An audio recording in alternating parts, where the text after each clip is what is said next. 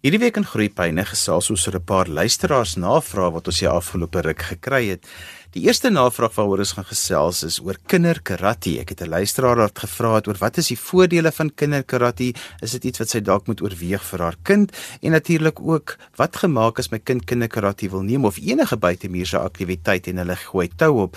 Nou om eers hieroor te gesels het ek vir François Du Plessis genooi en hy's 'n baie bekende in karate kringe.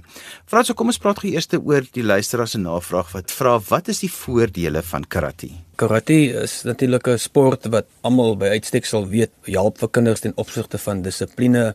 Ehm um, soos ek altyd noem, sommer die kyk, luister en dink en deur middel van karate buite die respek ehm um, wat kinders daardeur ontwikkel, is natuurlik die feit dat hulle ook agterkom dat hulle iets kan doen en iets kan onthou en wat hulle ook vir hulle ten opsigte van hulle vermoë om um, goeders te kan doen en bewegings te kan uitvoer wat dan ook vir hulle baie help ten opsigte van hulle skoolwerk. Want so een van die voordele van karate is jy selfverdediging, daarom is dit so goed vir seuns en dogters.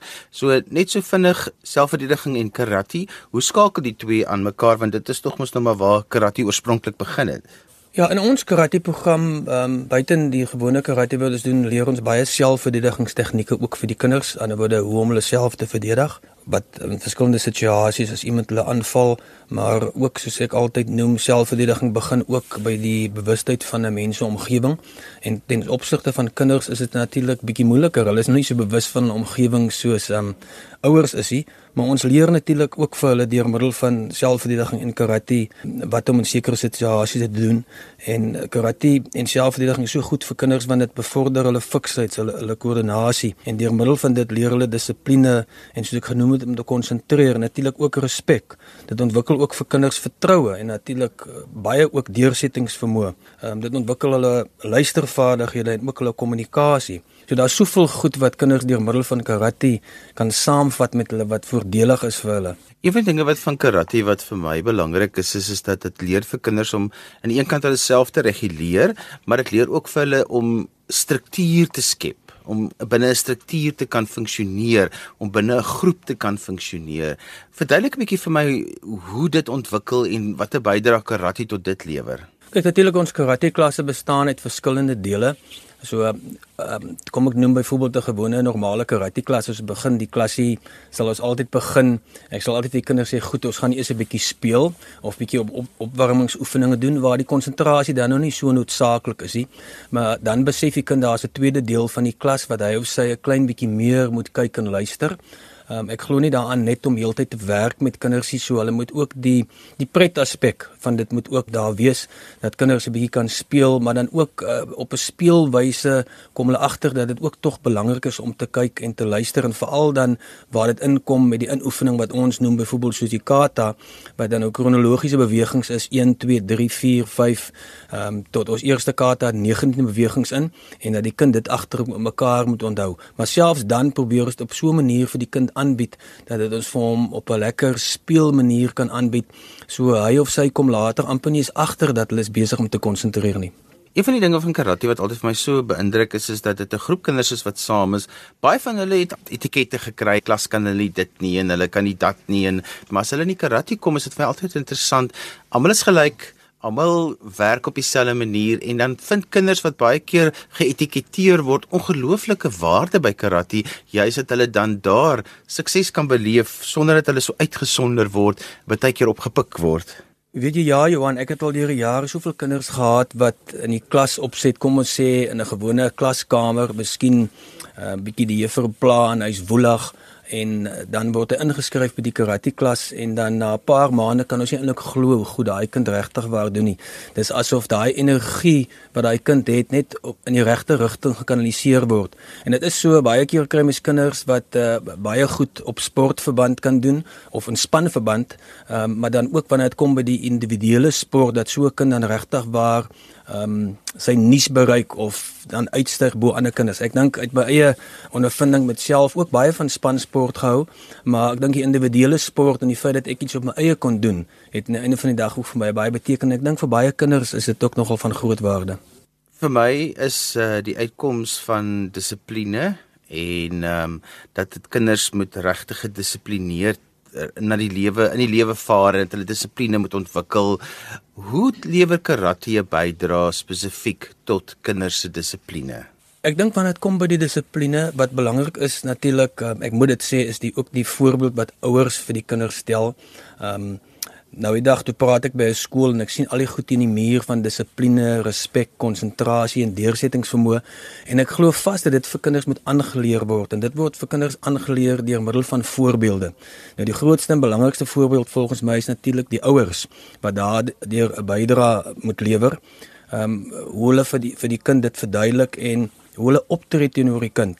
Ehm um, dissipline en respek is aspekte waar sonder ons deur die lewe nie kan gaan nie en uh, karate help natuurlik baie daarvoor ehm um, soos byvoorbeeld eh, 'n uh, deursettingsvermoë. Ehm um, nou die dag het ek 'n seentjie gehad wat se ma na my toe kom en sê maar hy wil nou nie meer aangaan met karate nie. Toe sê ek vir die ma, maar ek is eintlik baie bly en toe kyk sy so verbaas na my.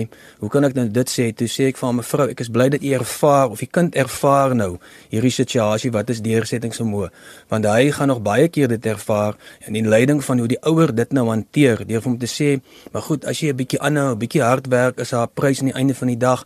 Hy gaan sy medalje of sy gordel einde van die jaar kry, dan verstaan hierdie kind hoe dit werk. En sou hy dan aan die einde van die dag sukses bereik deur sy gordel einde van die jaar te kry, dan kan hy daai prentjie saam met hom dra en sê goed, iets was moeilik geweest, maar ek het vasgebyt en ek het aangehou en ek en ek het aan die einde van die dag sukses bereik. Um, ek noem ook altyd baie keer vir ouers ek met hulle praat of met um, skole, um, baie keer hoor mense 'n kind het talent, maar ek glo ook vas dat talent bestaan uit verskillende komponente, soos wat ons nou genoem het, deursettingsvermoë, respek, um, ouerlike betrokkenheid. Baie keer het mense byvoorbeeld 'n kind wat talent het, maar hy het nie deursettingsvermoë nie of hy het nie ouerlike ondersteuning nie of daar is nie 'n geleentheid nie.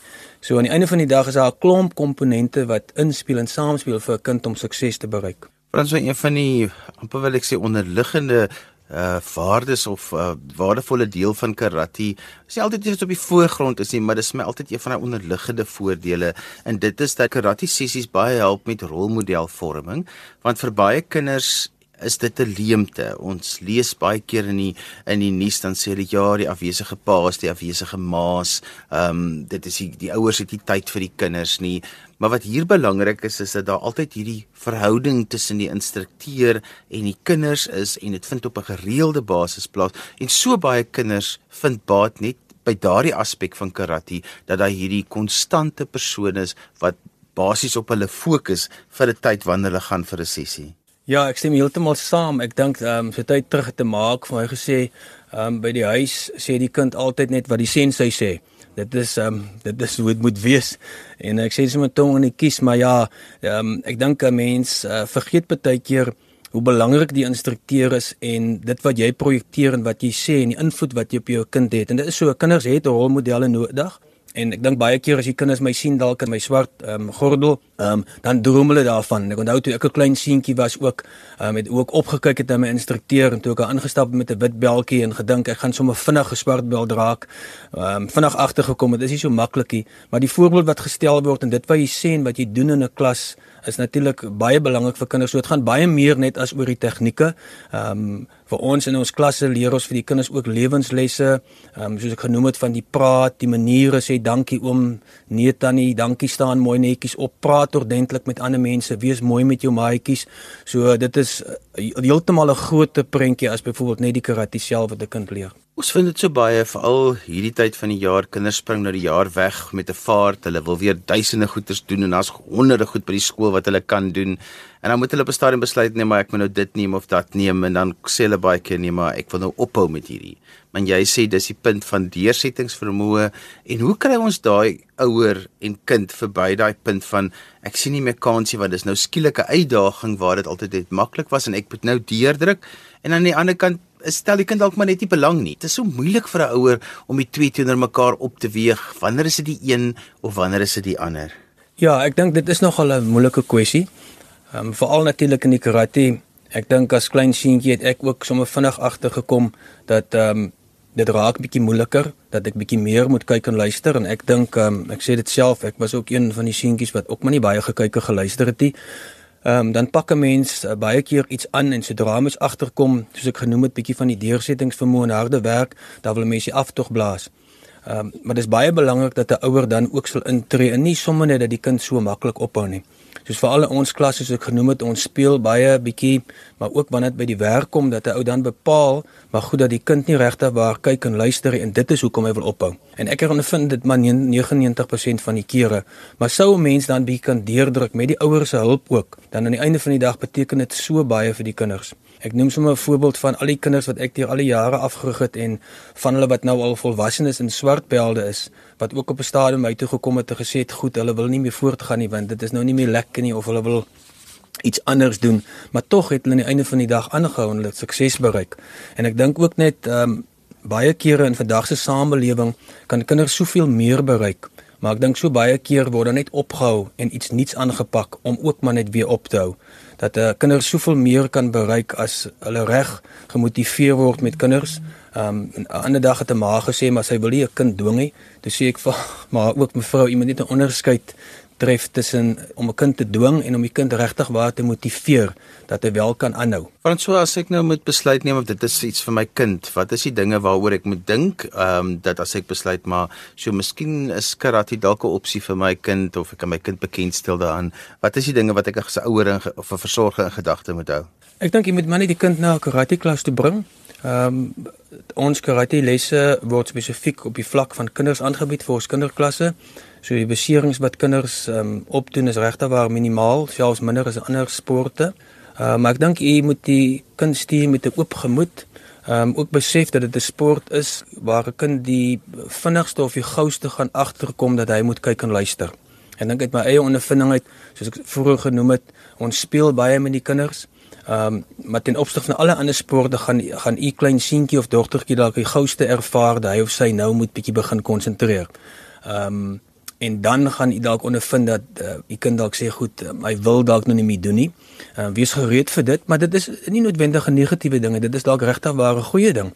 Ehm um, want daar word die kind nou ge geleer hoe om te kyk en te luister en is baie keer ehm um, deur jare ook het ek al agtergekom dat kinders wat vinnig ophou met karate is dan ook dieselfde kind wat in die klas opset by die juffrou of die meneer wat dan daar ook die kyk en luister het. Maar goed, eh, skool kan hy nie ophou nie, maar karate kan hy dan en dit is dan so jammer baie keer as 'n kind ophou. Maar baie keer het ek saam met die ouers gewerk en die kind het aangehou met karate en ons het regtig baie groot sukses bereik met daai kinders. Ja, nou sit jy's met 'n klomp millennials wat so maklik tou opgooi, so dit is belangrik dat hulle hierdie vaardighede leer. François, as mense met julle wil kontak maak, hoe kan hulle dit doen? Uh, mense kan my kontak by ons um, e-pos is dis François by fdip.karate.co.za. En daai FDIP staan vir Franso Du Plessis Karate, so dis François by fdip.karate.co.za. Ons gesels vandag 'n bietjie oor luisteraar navrae. Wat is die effek van videospeletjies, televisie, selfoonspeletjies, iPads en al hierdie elektroniese dinge op my kind se brein? Carla van der Merwe is 'n arbeidsterapeut en sy antwoord vir ons hierdie vraag. Kleuters is aktiewe, interaktiewe en praktiese leerders. Hulle breinontwikkeling word gestimuleer tydens spel en interaksie met ander kinders en volwassenes. Meeste van die programme op tegnologiese en elektroniese toestelle is 'n passiewe aktiwiteit en vereis geen aktiewe deelname van die kind nie. Dit is ook belangrik dat jy as ouer seker maak dat jy jou kind blootstel aan ouderdoms toepaslike programme. Daar mag dalk emosionele of gewelddadige tonele voorkom wat die kind kan ontstel en wat sy dalk nie altyd kan verstaan nie. Daarom is dit so belangrik dat jy as ouer die gebeure in verhouding bring met die realiteit en haar bystaan in die interpretasie daarvan. Deur saam met jou kind die programme te kyk, skep jy ook 'n leergeleentheid om na die tyd met haar hieroor te kommunikeer. Op die ou einde kom alles neer op balans. Jy as ouer moet kyk watter persentasie van jou kind se dag word gespandeer aan hierdie passiewe aktiwiteit. Ek het 'n brief gehad van 'n luisteraar wat vra: "Is ekstra lees en wiskunde klasse nodig voordat my kind skool toe gaan?" Nou dit is 'n algemene vraag wat ons baie hier op Groepyne kry. Marisa Dowell Ellis is 'n arbeidsterapeut en sy verduidelik vir ons. Ouers van veral 4 tot 5 jariges ervaar dikwels druk om hulle kind in te skryf vir ekstra lees, wiskunde of breinstimulasie klasse om hulle 'n voorsprong te gee vir veral graad R en ander grade. By die ouderdom 4 tot 5 jaar is die kind se breinontwikkeling nog op 'n leerfase van kinesteties en konkreet. Dit beteken dat 'n kind wiskundige en taalkonsepte leer deur dit met sy lyfie of driedimensioneel te ervaar. As daar te vroeg te veel druk op 'n kind geplaas word om te presteer, meet hulle sukses slegs aan prestasie en nie aan die proses nie. Vir breinontwikkeling is die leerproses belangriker as prestasie. Leer vind plaas deur herhaling, deur soms foute te maak en weer te probeer. 'n Kind moet dus die waagmoed ontwikkel om weer en weer te probeer. Verder ook, as 'n kind te veel gedruk word om te presteer, mag dit afbreek doen aan die verhouding tussen ouer en kind. Hoe verseker ek gesonde breinontwikkeling vir my kind terwyl ek by die werk is of indien my kind by die huis gestimuleer moet word? So, hoe lyk 'n goeie leerprogram? Breinontwikkeling vind voortdurend plaas wanneer jou kind by jou is en ook wanneer jou kind in iemand anders se sorg is. Dit is waarom hoë kwaliteit kindersorg so belangrik is. Die persoon wat verantwoordelik is vir die versorging van jou kind terwyl jy by die werk is, help om die ervaring te skep wat die brein toelaat om te ontwikkel. Elke versorger is 'n potensiële bron van liefde en leer, troos en stimulasie. Met vandag se tegnologie is daar soveel goeie leerprogramme beskikbaar, as ook opvoedkundige speelgoed wat 'n mens self kan aanskaf. Of jou kind by 'n kleuterskool, 'n speelgroep of by die huis versorg word, is dit belangrik om ingeligte vrae oor die leerprogram wat gebruik word te vra. Byvoorbeeld, word nuwe konsepte eers met die lyfie en dan konkrete apparaat aangeleer? Watter prioriteit geniet speel? is daar ruimte en tyd vir vrye spel. 'n Leeromgewing waarbinne 'n 2 tot 5 jarige kind ruimte het om te leer deur te speel, aktief konsepte met sy lyfie te beleef en driedimensionele voorwerpe gebruik om konsepte vas te lê, lyk dikwels na 'n omgewing waar 'n kind net speel. Ons as ouers moet waaksaam wees teen die druk om resultate te sien op papier.